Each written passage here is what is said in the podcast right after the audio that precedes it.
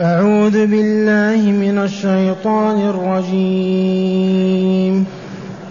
ومن يسلم وجهه إلى الله وهو محسن فقد استمسك فقد استمسك بالعروة الوثقى وإلى الله عاقبة الأمور. ومن كفر فلا يحزنك كفره. إلينا مرجعهم فننبئهم بما عملوا. إن الله عليم بذات الصدور. نمتعهم قليلا ثم نضطرهم إلى عذاب غليظ.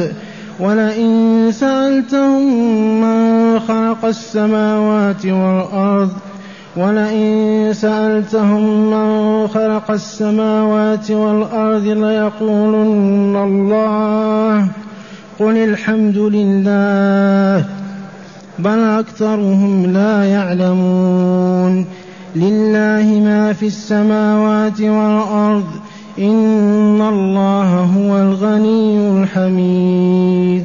معاشر المستمعين والمستمعات من المؤمنين والمؤمنات. قول ربنا جل ذكره ومن يسلم وجهه إلى الله وهو محسن فقد استمسك بالعروة الوثقى. هذا وعد الله الصادق.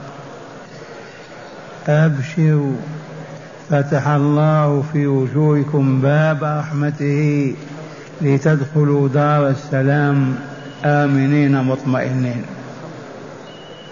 وادفعوا المقابل أدفعوا العوض. ألا وهو أن تسلموا قلوبكم لا تتقلب إلا في طلب رضا الله. ووجوهكم لا تلتفت بوجهك إلى غير الله. أسلم جوارحك لله فكل حركاتك وسكناتك لله. وهذا شأن المؤمن بالله ولقاء الله. ومن يسلم وجهه إلى الله والحال أنه محسن في تلك العبادة في تلك الطاعة. يؤديه على الوجه المطلوب. يؤديه على ما أداه عليه رسول الله صلى الله عليه وسلم وأصحابه والعالمون. هذا وعد الصدق. يشمل الأبيض والأسود العربية والعجمية في الحاضرين والغائبين. ومن يسلم وجهه إلى الله أسلم قلبك والوجه تابع للقلب. اجعل قلبك لا يتقلب دائما إلا في طلب رضا الله. واعبد الله عز وجل بما شرع أن تعبده. من إقام الصلاة إلى الرباط في سبيل الله. تلك العبادات كلها يتضمنها إسلام القلب والوجه لله. ثم أحسن تلك العبادة. أدها على الوجه الذي أداها عليه رسول الله صلى الله عليه وسلم. فلا تزد ولا تنقص ولا تقدم ولا تؤخر. أديها على الوجه المطلوب. فإن فعلت هذا فأبشر فقد استمسك بالعروة الوثقى يا عبد الله. ومنها إلى دار السلام. ومن يسلم وجهه إلى الله وهو محسن. يعبد الله عبادة شرعها الله يؤديها كما أداها رسول الله صلى الله عليه وسلم وأصحابه والمؤمنون العالمون. فمن فعل هذا فقد أخبر تعالى عنه أنه استمسك بالعروة الوثقى التي يصل بها إلى الجنة دار السلام. ولا خوف عليه ولا حزن ولا يسقط ولا تأكله الدواب ولا الحيوانات. هذا عرض في قالب وعد لله عز وجل لعباده. وعد لله من عباد وعد من الله لعباده. ومن يسلم وجهه أي قلبه حيث يتجه دائما حيث رضا الله ثم يعبد الله بما شاء أن يعبد ثم يؤدي العبادة على الوجه المطلوب حتى تزكي نفسه وتطهرها وتطيب قلبه فيصبح أهلا لرضا الله وولاية الله بعد ذلك فليعلم أنه قد أخذ بالعروة الوثقى. لن يحول بينه وبين دخول الجنة حائل هذه بشرى. ومن يسلم وجهه إلى الله وهو محسن يطيع الله بما شرع أن يطاع فيه بهذه العبادات ويحسنها ويؤديها على الوجه المطلوب. هذا أخبر تعالى أنه قد استمسك أي تمسك بالحبل والعروة الوثقى لا يسقط منها إلى الجنة. لا خوف عليه ولا حزن. وهذا كقوله تعالى ألا إن أولياء الله لا خوف عليهم ولا هم يحزنون. من هم أولياؤك يا ربنا؟ قال الذين آمنوا وكانوا يتقون. أسلم وجهه لله وعبد الله وأحسن العبادة. فقد استمسك بالعروة الوثقى وإلى الله عاقبة الأمور. خبر ثاني عاقبة الأمور إلى من؟ إلى الله. ومن هنا فليبشر هذا العبد الذي أسلم وأحسن لأن العاقبة لله عز وجل عاقبة الأمور لله. فليبشر وليفرح وليصر بأن الجنة هي دار نزوله ومأواه. هذا الخبر وهو وعد إلهي. ثانيا ومن كفر بالله ولقائه كفر بالله وكتبه ورسله. كفر بشرع الله وبعبادته فلا يحزنك يا رسولنا كفره. لقد بينا الطريق ووضحنا السبيل ووضعنا العلامات لذلك فمن استجاب فقد فاز وأخذ بالعروة الوثقى ونجا ومن كفر ورفض الإيمان والدعوة والعمل الصالح فلا تحزن عليه ولا يضرك ذلك ابدا بحال من الأحوال. ومن كفر فلا يحزنك كفره والخطاب لرسول الله صلى الله عليه وسلم ولكل داع يدعو إلى الله في البشرية. من استجاب له نجا ومن أعرض ولم يستجيب هلك. ومن كفر فلا يحزنك كفره. إلينا مرجعهم. لا إلى غيرنا. لما يموت الكافرون والمشركون والفاسقون والفاجرون إلى أين أرواحهم تعود إلى الله؟ لا إلى غير الله. ما هناك سلطان ولا حاكم ولا قاضي ولا دولة ولا حزب ولا جماعة يؤول إليهم أرواح الناس ويتصرفون فيها فينجونها من عذاب الله. ما فيه إلا إلى الله. إلينا مرجعهم بعد موتهم فننبئهم بما عملوا عملا بعد عمل ساعة بعد ساعة. فكل ذنوبهم وآثامهم من كفر وشرك أعلمهم به وأطلعهم عليه لأجزيهم بذلك. فننبههم بما عملوا. إن الله عليم بذات الصدور. كل ما في القلب من عقيدة من حب من سخط من رضا من كذا الله عز وجل مطلع عليه. ما تحمل صدور البشر من عقائد صحيحة أو فاسدة من نيات فاسدة أو صحيحة من اعتقادات فاسدة أو صحيحة الله عز وجل مطلع على ذلك. عليم به ومن ثم يكون الجزاء في الدار الآخرة قائما على العدل. الحسنة بعشر أمثالها والسيئة بمثلها. هكذا يقول تعالى من ومن كفر فلا يحزنك كفره. إلينا مرجعهم فننبئهم بما عملوا. إن الله عليم بذات الصدور. ويجزي بحسب علمه. الذي علم ما في صدور البشر وما في قلوبهم من خير أو شر ثم قال تعالى ثم نمتعهم قليلا ثم نضطرهم إلى عذاب غليظ. هؤلاء الكافرون المشركون المحاربون للإسلام المعاندون هؤلاء المصرون على الكفر والعياذ بالله تعالى نمتعهم قليلا في هذه الدنيا حتى تنتهي أعمارهم. هذا خمسون سنة وهذا ستون هذا عام وهذا عشرة نمتعهم قليلا ثم نضطرهم نلجئهم إلجاء إلى عذاب غليظ ألا وهو عذاب النار. هذا خبر آخر ووعد إلهي. وعيد. نمتعهم قليلا في دنياهم بالطعام والشراب واللباس ثم تنتهي آجالهم فيلجأون إلجاء ويضطرون اضطرارا إلى جهنم إلى العذاب الغليظ ألا وهو عذاب النار والعياذ بالله.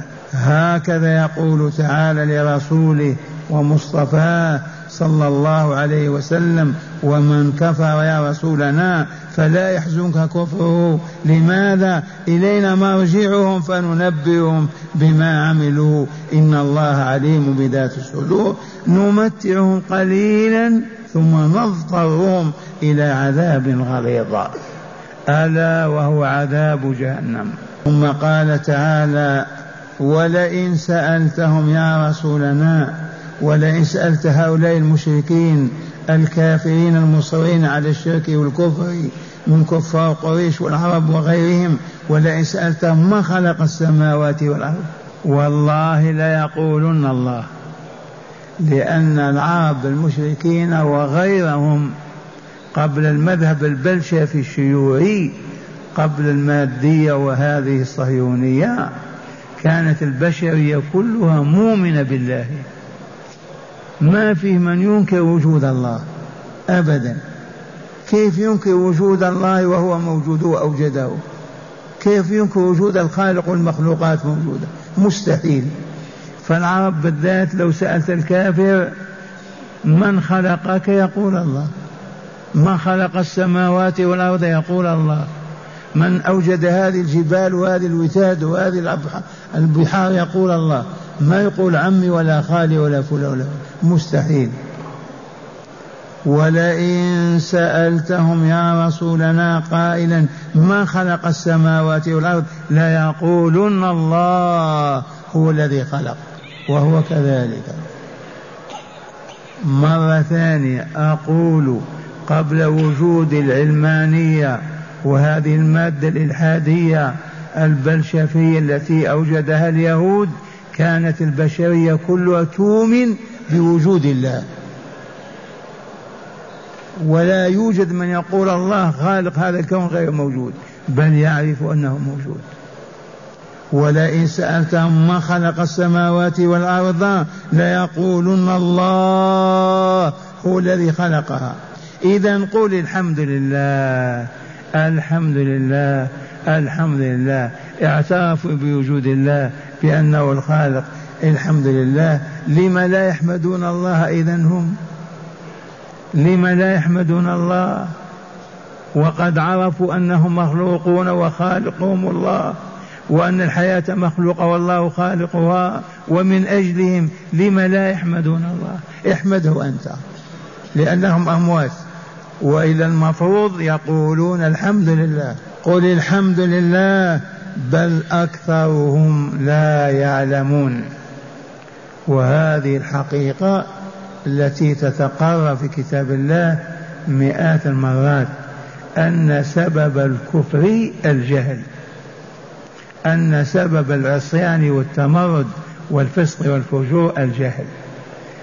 عرف أن الله هو الذي خلق لكن من عرفه بالله؟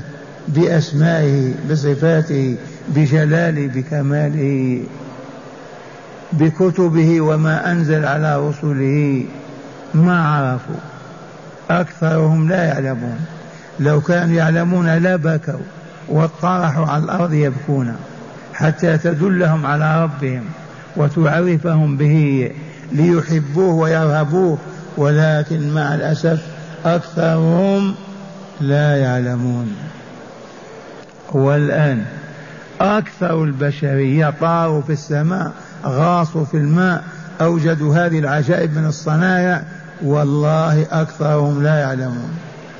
لو علموا لجاءوا يسألونكم عن الله وكيف يعبدونه ويتقربون إليه. وبما يعبدونه وبما يتقربون إليه. ولكن ثم قال تعالى لله ما في السماوات والأرض. يعبدون الله أو لا يعبدونه ما هو في حاجة إلى عبادتهم والله ما الله في حاجة إلى عبادة العابدين. أبدا ولا يضر كفر الكافرين ولا يؤذي فسق الفاسقين أبدا لأنه فوقهم وبيده ملكهم وإليه مصيرهم وإليه مصيرهم. فكيف إذا يبالي بهم؟ لولا رحمته لولا لطفه لولا إحسانه يريد أن يعبدوه ليسعدوا ويكملوا في الدنيا والآخرة. أما الحاجة إليهم والله لا حاجة إليهم إذ كان ولم يكونوا. لله ما في السماوات والأرض. من كل الموجودات من كل الكائنات هو مالكها والمتصرف فيها ما هو في حاجة إلى شكرهم ولا إلى عبادتهم. إلا أن العبادة هذه تصلح بهم وتعود منافعها عليهم. إن الله هو الغني الحميد. غناه مطلق. ما هو في حاجة إلى كائن إلى مخلوق لا في السماء وفي الأرض. وهو المحمود بكل صفاته وأعماله وأفعاله. الذي رفع هذه القبة ما يحمد عليها ولا يشكر. الذي أوجدنا ما يحمد. كل الكون يحمد الله عز وجل على ما خلق وصنع. ما هو في حاجة إلى عبادتهم ولا إلى شكرهم. أسمعكم شرح الآيات من الكتاب. بعد إقامة الحجة على المشركين في عبادتهم غير الله وتقليدهم لآبائهم في الشرك والشر والفساد في الآيات التي تقدمت قال تعالى مرغبا في النجاة مرغبا في النجاة داعيا إلى الإصلاح. قال ومن يسلم وجهه إلى الله أن يقبل بوجهه وقلبه على ربه يعبده متذللا له خاضعا لأمره ونهيه وهو محسن أي والحال أنه محسن في عبادته إخلاصا فيها لله واتباعا في أدائها لرسول الله صلى الله عليه وسلم فقد استمسك بالعروة الوثقى أي قد أخذ بالطرف الأوثق. أخذ بالطرف الأوثق فلا يخاف انقطاعا أبدا. فقد أي قد أخذ بالطرف الأوثق الأمتن فلا يخاف انقطاعا أبدا. وقوله تعالى وإلى الله عاقبة الأمور.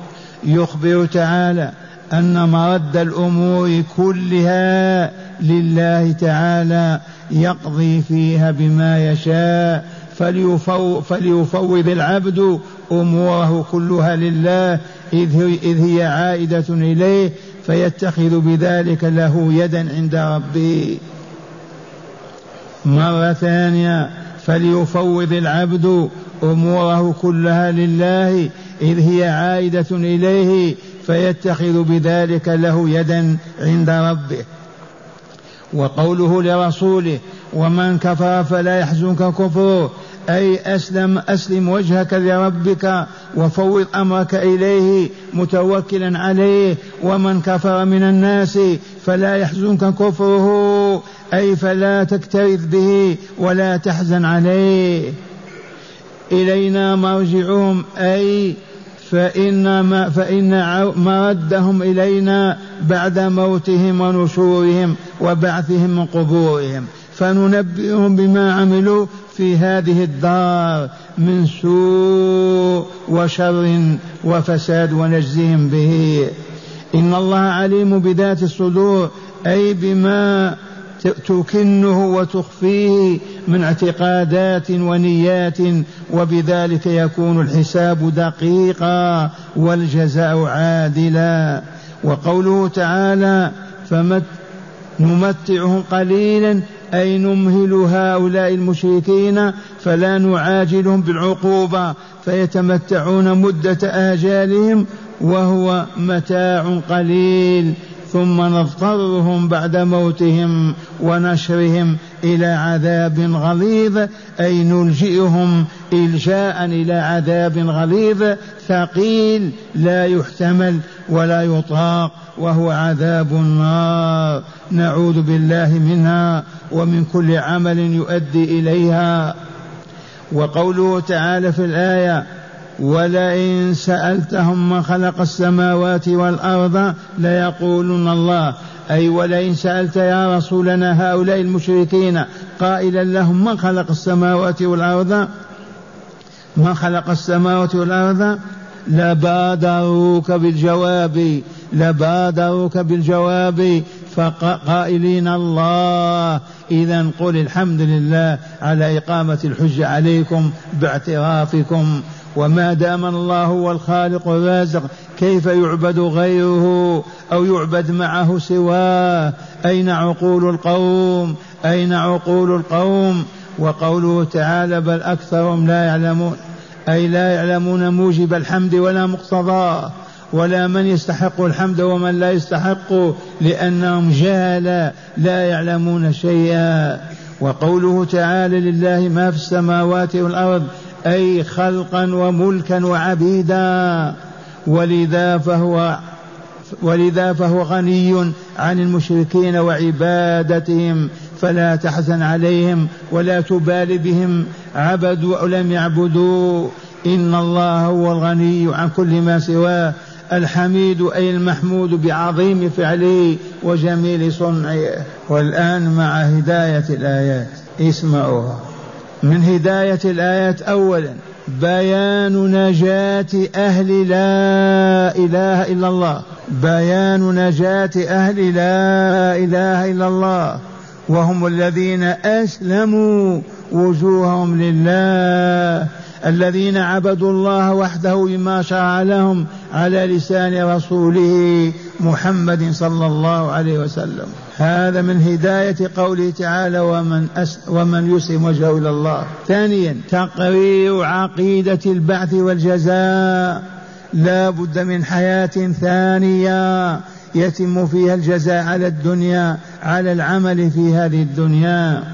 ثالثا بيان أن المشركين من العرب موحدون في الربوبية مشركون في العبادة. كما هي حال كثير من الناس اليوم يعتقدون أن الله رب كل شيء ولا رب سواه ويذبحون وينذرون ويحلفون بغيره ويخافون غيره ويرهبون سواه والعياذ بالله تعالى. وهم يعتقدون أن الله رب كل شيء ومليكه.